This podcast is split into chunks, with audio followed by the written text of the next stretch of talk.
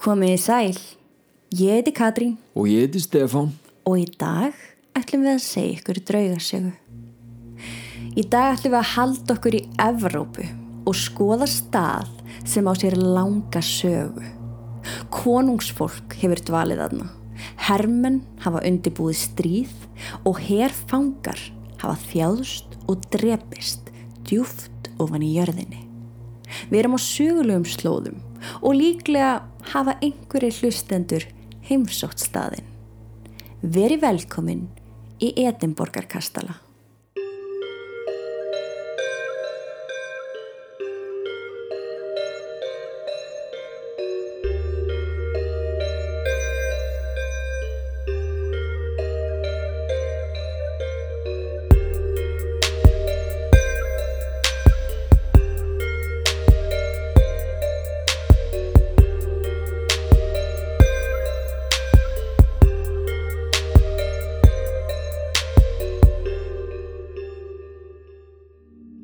Við erum stödd í Edinborg sem er höfuborg Skotlands. Fólksfjöldi er í kringum 450.000 manns. Á hæðinni fyrir ofan borgina stendur þessi stórfenglegi og tegnarlegi Edinborgarkastali sem er tákmynd borgarinnar og eitt elsta virki í allri Evrópu. Fornleðafræðingar hafa fundið ummerki um að á einhverjum tímapunkti hefur verið byggð á landinu þar sem kastalinn stendur nú en það er óljóst hvers konar byggð. Kastalinn hýsti konungsfólk til ásinn 1633 en eftir árið 1500 fór samt að draga úr mikilvægi Edinborgarkastala sem konungleg höll. Svo frá 17. öld var hann notaður sem hermannaskáli eða virki. Kastalin hefur gengt hlutverki í allmörgum stríðum í sögu Skotlands, meðal annars í skorsku sjálfstæðistríðunum á 14. öld og Jakobíta uppreysninni árið 1745. Kastalin í Edinborg er eins og þekktasti og vinsælisti kastali Skotlands. Hann er 130 metrum fyrir ofan sjávarmál og við hann eru grítir klettar sem snúa í suðvestur og norður. Þeir eru 80 metrar á hæð í kringum hann svo eina leiðin til þess að komast að kastalanum er austanfrá. Það hefur verið ráðist á þennan kastala 26 sinnum og því fær hann titilinn kastalinn sem hefur verið ráðist á hvað oftast í öllum heiminum. Vá, ég vissi það ekki. Ég vissi það ekki heldur en mér finnst pínu skrítið miða við hversu gamallan er að það Já. hafi engangu verið ráðist á hann 26 sinnum. Já, satt. Þetta er það sem ég fann út ef einhver veit eitthvað annað Já, endilega segja mér Endilega. En, en þetta er það sem ég fann. ok. Landi sem kastalinn er á hefur verið hernumið að minnstakosti frá bronsöld en bygging kastalans byrjaði setna á 12. öld. Kastalinn í Edinborg var mikilvægt virki fyrir og ef þú vildi ráða yfir Skotlandi þá þurfti þú að eiga kastalan og því hefa skotar og enska konungsveldið barist um hennar kastala og skipst á að eiga hann í gegnum tíðina. Þannig að ef þú áttir Kastalan, þá áttir Skotland. Já, og þetta þýtti endalaus stríð þeirra á milli. Já, Og hvað gerist í stríðum? nú, fólk deyr. Fólk er drepið og því kemur það engum á óvart að kastalinn sjálfur er talin vera eitt reymdasta kennileiti í heimi. En þó að landið í kringum kastalan sé tali vera reymt og að kastalinn sjálfur sé heimili órólegra anda þá eru göngin undir honum talin vera reymdust. Þegar við skiljum sársauka, þjáninguna, kavalir og dauðan sem var í þessum undirgöngum þá skiljum við betur af hverju svo orka hefur verið skilin eftir. Fyrrum fangar sem dóu annarkvort vegna slæmra lífsgæða, vannæringu, sjúkdóma eða pyntinga eru ennsagðir dvelja í djúpum og dimmum kastalanum og margir hafa sagst sjá þá og heyrti þeim í undirgöngunum. Í Edinborgarkastala byggu kongar og drottningar í margar aldir. Margrét drottning sem síðar var gerða dýrlingi dó inn í kastalanum árið 1093. Vá Ég held við höfum sjaldan farið jafnlangt aftur í tíma. Einmitt, vá 1093 Ok Og kapellan sem Davíð konungur, sonur hennar reisti henni til heiðurs, er elsta bygging Edinborgar. Ok Hún heitir Sante Margaret's Chapel og hýsir mörg brúðkaup og skýrnir í dag. Fyrir ofan hörðina í konungshöllinni eru gildir upphafstafir M-A-H sem stendur fyrir Mary Queen of the Scots og setni eigimann hennar Henry Stuart, Lord Darnley. Mary eignaðist Jakob IV í konungshöllinni árið 1566 og var hann konungur Skotlands aðeins 13 mánada gamall Nei. og saminaði krónur Skotlands og Englands. Vá Og býtu, fekk hann einhver aðstóð þarna 13 mánuða gamall sem Enga. konung Nei Enga aðstóð. Já, gæti hann talað Ég veit að þetta er svolítið eins og við séum í sögustund en það er mikilvægt að þekki svo sögu. Já, ég er sammála Af því það njöt ekki allir dvalarinnar í kastalunum. Jafnvel konungsfólk kvartaði yfir miklum kulda og dragsú og lífið var svo sannarlega sorglegt fyrir marga fanga sem voru lokaðir niður í kvelvingunni. Frá 1757 til 1814 var kastalinn talinn verið rauninni örugasta fangelsið og lokaðir þar inni voru mörg hundru stríðsfangar. Sjö ára stríðið var það kallað en það var stríð á milli Bretlands, Fraklands, Ameríku og bandaminn þeirra. Í þessu stríði komu alls konar herfangar í Kastalan. Árið 1700 og 1800 voru fangar frá Ameríku, Ítalíu, Fraklandi, Spáni, Hollandi og Pólandi lokaðir inn í Kastalanum. Flestir þessara manna voru sjómenn. Þú veist þetta voru bara sjómenn Ok en þeir voru síðan handteknir af sjóhernum því þeir áttu ekki að vera þvælast þarna. Ok, og vá. við vitum nöfnin á þeim og þau eru gimt í sögulegum skjölum og líka út af því að þeir teiknuðu og skrifuðu á veggina og hurðarnar. Svo út frá því hefur verið hægt að púsla saman staðreindir Vá. Þetta fannst mér svolítið merkild að Já. þú veist alltaf svona þú veist ég, ef ég hefði ekki orðið podcastir eða hefði ég orðið forðlega fræðingur það er bara þannig. og, og það eru til myndir, ég er búin að segja myndir sem við getum sínt ykkur. Af því að mér finnst alveg, mér finnst gaman að sjá svona eldgamalt sem að Já, sem alveg að, svolítið nöðsynlegt til þess að, til þess að sjá þetta fyrir sig já, þú veist sem fangarnir voru að, að skrifa og teikna þegar þeir voru lokaðir inni. Já, Samkvæmt alþjóðlegum reglum þurfti að koma fram við herfanga á ákveðin hátt. Það þurfti að vera eldstæði svo þeir myndi ekki krókn úr kulda og það þurfti að vera einhvers konar loftræsting. Það var nöðsynlegt að það væri, já, einhvers konar eldunar aðstæða og hengirum fyrir fanga til að kvílast í. En þrátt fyrir þessa reglur þá var lífið ekki gott. Edinborgarkastali var kaldur og grjótúttur staður og eins og það væri ekki nógu slæmt þá var þúsundum fanga tróðið inn í eina litla dýflissu. Þeir voru ekki með einn fermeter útaf fyrir sig. Þeir voru kramdir inn í þessum litla, kalda og blöyta klefa. já, það verður greinlega ekki að fylgja reglum þetta Nei. Skýrsla sem John Howard sem var svona, uh, köllum þetta bara mannin sem að fóra milli fangelsa og var að aðtöða með Ok, svona rétt að gefsli maður og var eitthvað svona Já. Já, ok. Hann skrifar árið 1779 lýsingu á kvelvingunni og hann segir þetta. Ömulegu staður til að vera á. Ætti engungu að vera í bóði fyrir þá allra verstu dimmur, langur og mjór klefi, ekkert ljós og lítið loft. Þetta skrifar hann árið 1779 og þetta til. Vá, ok. Einn þessara fanga á sér sérlega ógulega sögu og er andi hans talin ráfa um kastalan síðla næturs.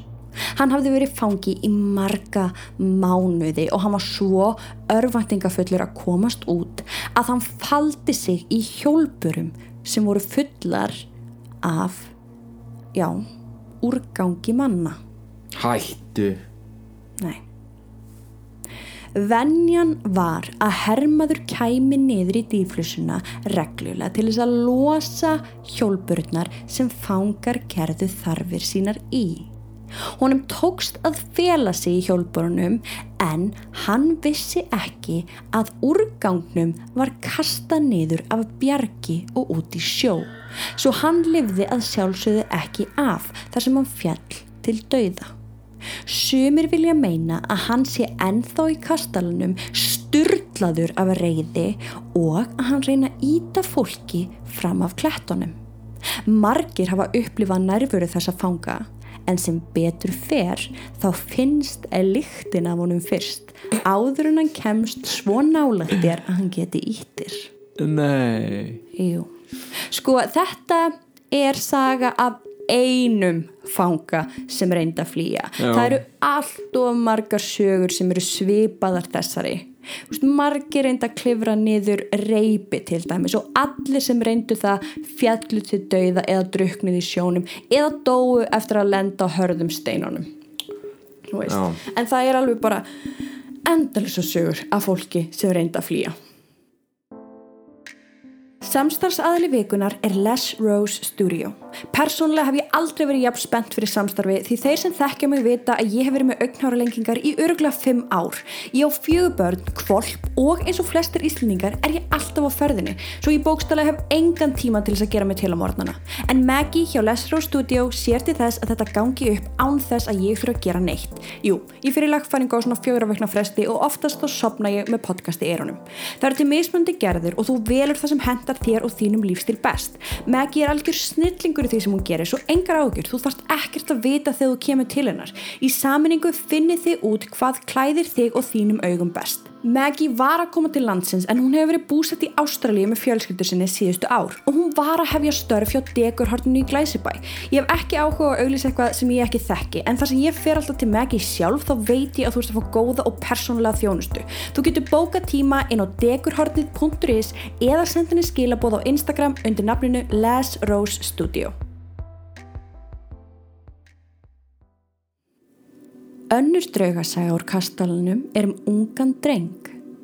Þegar undirgöngin voru uppgötuð var fólk forvitið að vita hvertu leittu.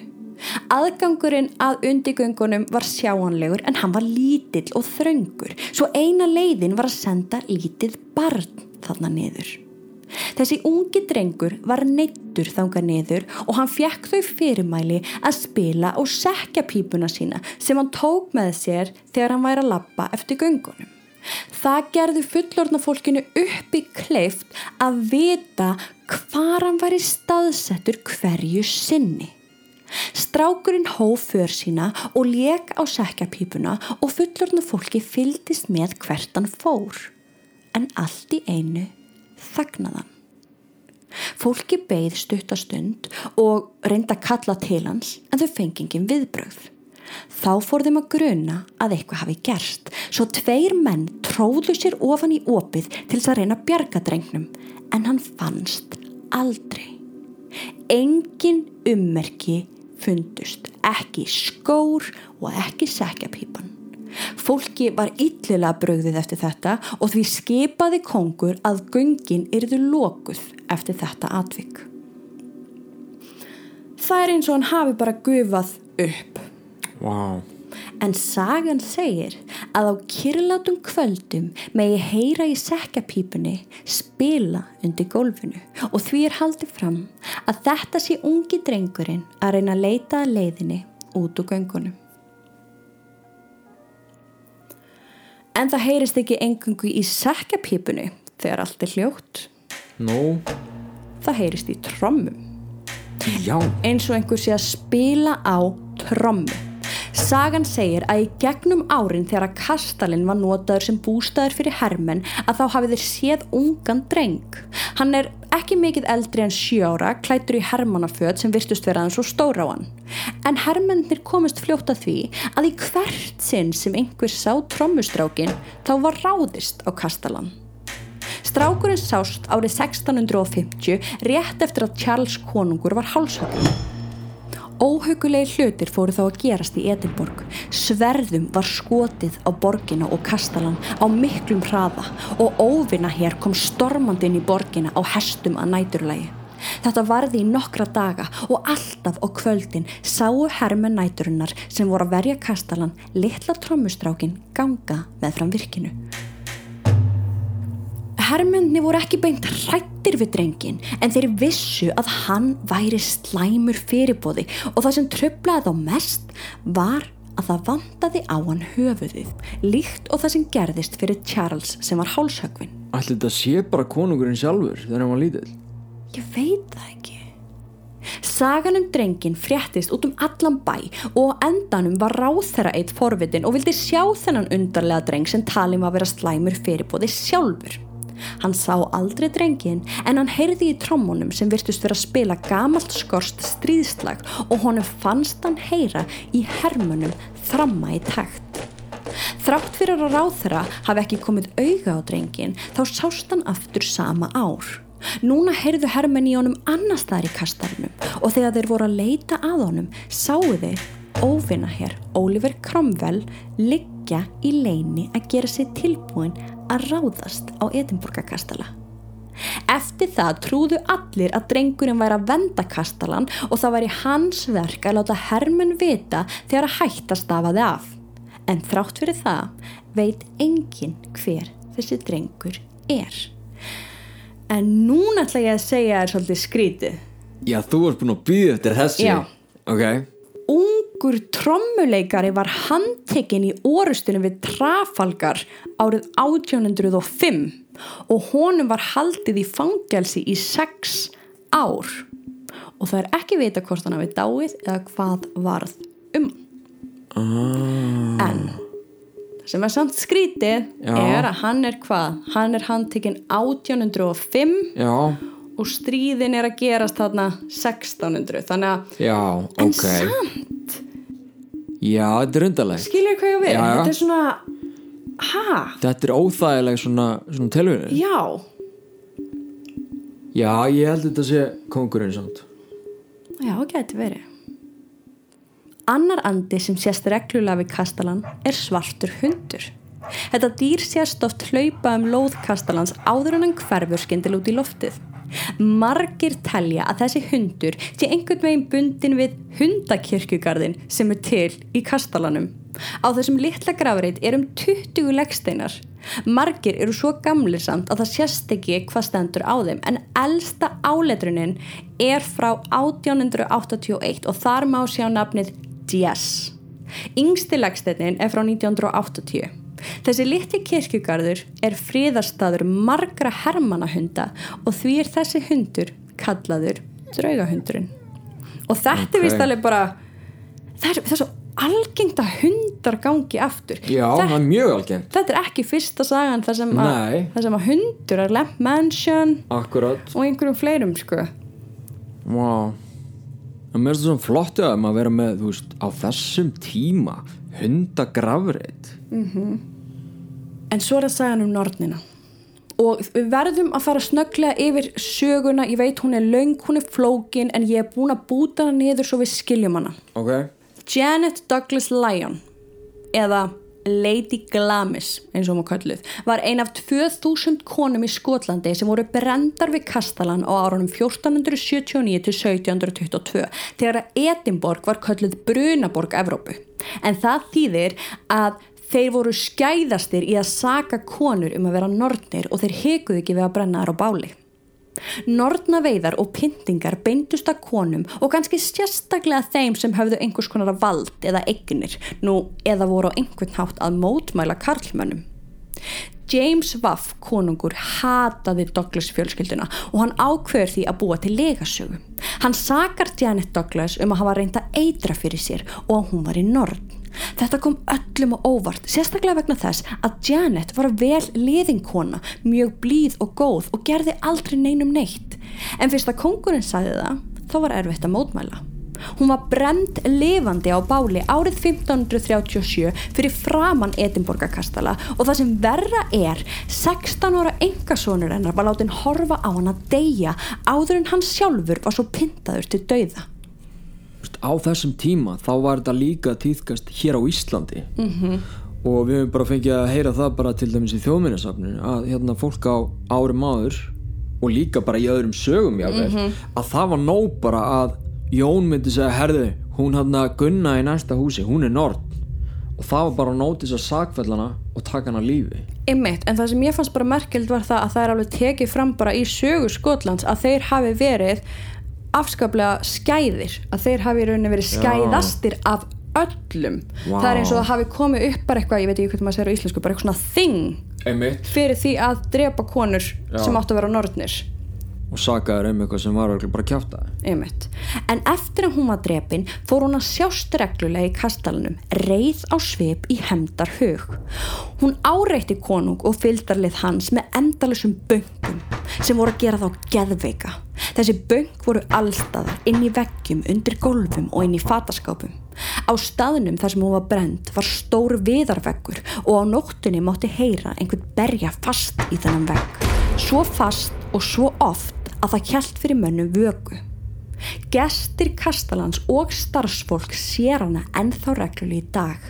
Hún virðist neita að yfirgefa svæðið eftir þennan hörmulega dauðadag og það er þá kannski ekkit skrítið að hún sé að ásækja Kastalan. nei, maður skilur hana bara óskup vel Já. En kannski furðulegsta draugarsann sem tengist kastalanum er rannsókn sem vísindamenn gerðu á reymleikunum þar inni. Árið 2001 gerði Dr. Richard Weissman rannsókn og rúmlega 200 þáttakendur voru fengnir til að taka þátt. Allir þessir aðilar vissu ekkert um kastalan nýja meintan draugagang. Það var gengið með hann hóp af fólki í gegnum kastalan og þá aðalega á staði sem eru taldi verið reymdastir en það var samt bara verið að fara með þau út um allt ok, og engin vissi neitt Ok. skiluru það kom svo í ljós að meirinn helmingur þáttakanda sagði að eftir að rannsóknum var lokið að Já. þeir hefðu fundið fyrir einhverju óvernilegu og óþægilegu á meðan þeir fóru um kastalan og alltaf myndust þau bara á staðina sem eru þekkti fyrir reymleika nei. Jú. Vá, ok, það er magnað. Já, fólk talaði um hitastiksbreytingar já, algengt. Aðri sá skuggaverur. Einhverjir fengu brunatilfinning á húðina. Úf, sem geti mögulega verið út af nornum eða einhverju djöflum sko. Og það var tókað í fötun þeirra. Og margir sögðu eða flestir að þeim finnist einhver vera að fylgjast með þeim sko þó að þessi tilraun sé ekkert 100% marktæk á sviði vísindina Nei, þá er hún samt áhugaverð. Já, þetta er mjög merkilegt. En ég ætla að bæta inn í sko Já. Dr. Weissman var að gera þessa tilraun til þess að afsanna draugagang. Nei, Jú, þannig að hann var ekkert sáttur. Nei, vá, ok. Að hann sagði samt þáttakendum ekkert um það eins og ég sagði aðan þú veist, þau vissu ekkert um hvað þessi rannsók snerist. Já, En eftir þessa niðurstöður var hann svolítið sjokkeraður og held í fram að þessar óvenjulegu reynslur þáttakanda mætti reykja til sálfræðilegra viðbræða við því að vera skilin eftir í ókunnugu umhverfi. Hann viðurkendi þó að það væri mjög forvitnilegt, eins og hann sagði, já, að flestir töluðu um óeðlilega upplifun í herbergjum sem höfðu orð á sig fyrir að vera rimd já þú veist, þrátt fyrir að enginn af sjálfbóðleganum hefði reyna vitnesku um það. nei, vá En samkvæmt þessari rannsókn virðist að vera að draugasur Edinborgarkastala gætu verið eitthvað meira en bara skálskapur. Þetta er awesome Ég meina eh, hérna vísindamæður sem er að fara að afsanna draugagang sem að verði til þess að hann bara sannar það, staðfestir það heila svolítið Einmitt. en það er alltaf gaman að fá svona vísindalegt approach Já, en þú veist, akkurat í herbergjum sem eru talin vera reynd, hvernig ætlar að útskýra þetta? Af því að Já. ef þetta, ef við fyrir maður lengra, ef þetta átti að vera bara sálfæraðilegt hjá þeim, Mhm. ættu við þá ekki að vera að finna nákvæmlega sama í öðrum herbergjum? Einmitt, Eða fattarðu? einmitt, Já, já, Þú veist, bara, já, þetta er, maður getur talað í ringjum þetta, en mér varst þetta skemmtilegt. já Áskrifundur geta endilega tjekkað á hérna spjalltættin sem við vorum að Já, gefa út já. og þar fyrir við svona aðeins ítalega ræmitt í svona hluti Einmitt, einmitt. Edinborg á dimma og ókveikjandi fortíð og margir af reymdustu stöðum heims er að finna þar. Svo ég lof ykkur, hlustendu góðir, við munum snúa tilbaka í daginn og skoða hvaða verur hafa gert sig heimakærar í þessari sögulegu borg.